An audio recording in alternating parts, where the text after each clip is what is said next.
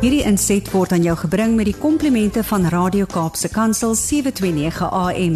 Besoek ons gerus by www.cape pulpit.co.za. Dag sê almal. Es weer Erika de Tooi vanaf die Wes-Kaapse Vereniging vir persone met gestremthede. Kom ons gesels saam oor sake rondom gestremdheid. Ek kom die laaste ruk agter dat dit asof mense graag gestremd wil wees of eintlik net as 'n persoon met 'n gestremdheid gesien wil word. Mense vra is hoë bloeddruk 'n gestremdheid of ek het 'n pas aangeheer, beteken dit dat ek nou gestremd is? So kom ons kyk na wat gestremdheid behels en wanneer kan 'n toestand as 'n gestremdheid beskou kan word? Om mee te begin, daar is 'n verskil tussen 'n toestand en 'n gestremdheid. 'n Mens kan hoë bloeddruk hê of met depressie gediagnoseer word, maar dit beteken nie dat u outomaties 'n gestremdheid het. Maar daar is tog gevalle waar persone byvoorbeeld depressie het en as 'n persoon met 'n gestremdheid beskou kan word. So waar lê die lyn dan tussen gestremd en nie gestremd? Kom ons kyk na wat die wetgewing sê.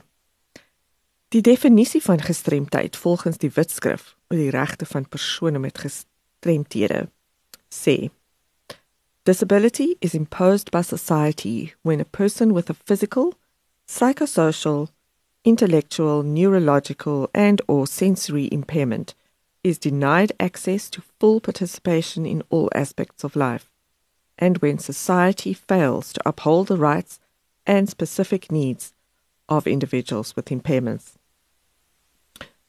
So gestremdheid word deur die samelewing opgelê, nie as gevolg van die persoon se toestand of verlies nie. En gestremdheid is direk aan die samelewing se diskriminasie teen die betrokke persoon. Dit het niks met die persoon self te doen nie. Die persoon het wel een of ander toestand of verlies, maar gestremdheid gebeur wanneer die samelewing die persoon verhoed om deel te wees. Die persoon word uitgesluit en dit is wat die persoon strem. Kom ons neem 'n praktiese voorbeeld. Ek dra bril, so ja, ek het 'n sensoriese verlies van sig. Maar is dit noodwendig 'n gestremdheid? Kom ons kyk. Waar in die samelewing word ek uitgesluit as gevolg van die feit dat ek 'n bril dra? Nêrens nie. Of word daar enigsins teen my gediskrimineer omdat ek 'n bril dra? Nee. Daarom kan ek sê dat ek nie 'n gestremdheid het nie. Maar wat sou gebeur indien my sig erg verswak tot die punt waar 'n bril nie meer vir my help om te sien nie? Miskien moet ek dan van 'n wit kitty of 'n gidsond gebruik maak of spesiale sagte ware op my rekenaar kry om te help dat ek my werk nog kan doen. Dit op sigself is nie stremmend nie. Maar nou wil ek saam met my familie gaan uit eet en die restaurant weier om my gidsond in te laat nie. Net daar is waar ek gestremd word, want my reg om saam met my familie te gaan eet word van my weerhou en ek moet op iemand staat maak om my te lei na my sitplek. My onafhanklikheid, dit wat my gidsond my bied, word van my af weggeneem. Ek moet ook net hier noem dat gids en dienshonde word op baie plekke toegelaat waar diere nie gewoonlik in kan gaan nie. Maar ek het al van menige gevalle gehoor waar gidsonde nie toegelaat is nie. Soos ons al vasgestel het, is gestremdheid deur die samelewing afgedwing.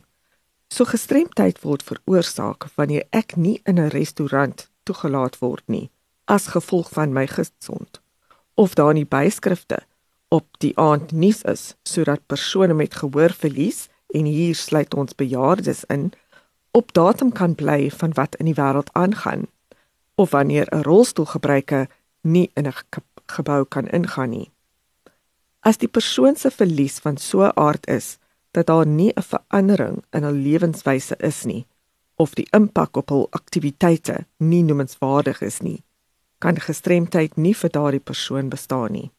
Met ander woorde, 'n geamputeerde vinger sal nie 'n gestremdheid veroorsaak nie tensy u 'n konsertpianis is.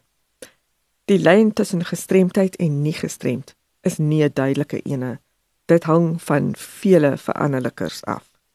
Om die rede kan 'n verklaring van gestremdheid nie self gemaak word nie, maar eerder deur 'n gekwalifiseerde en relevante gesondheidspraktisyn.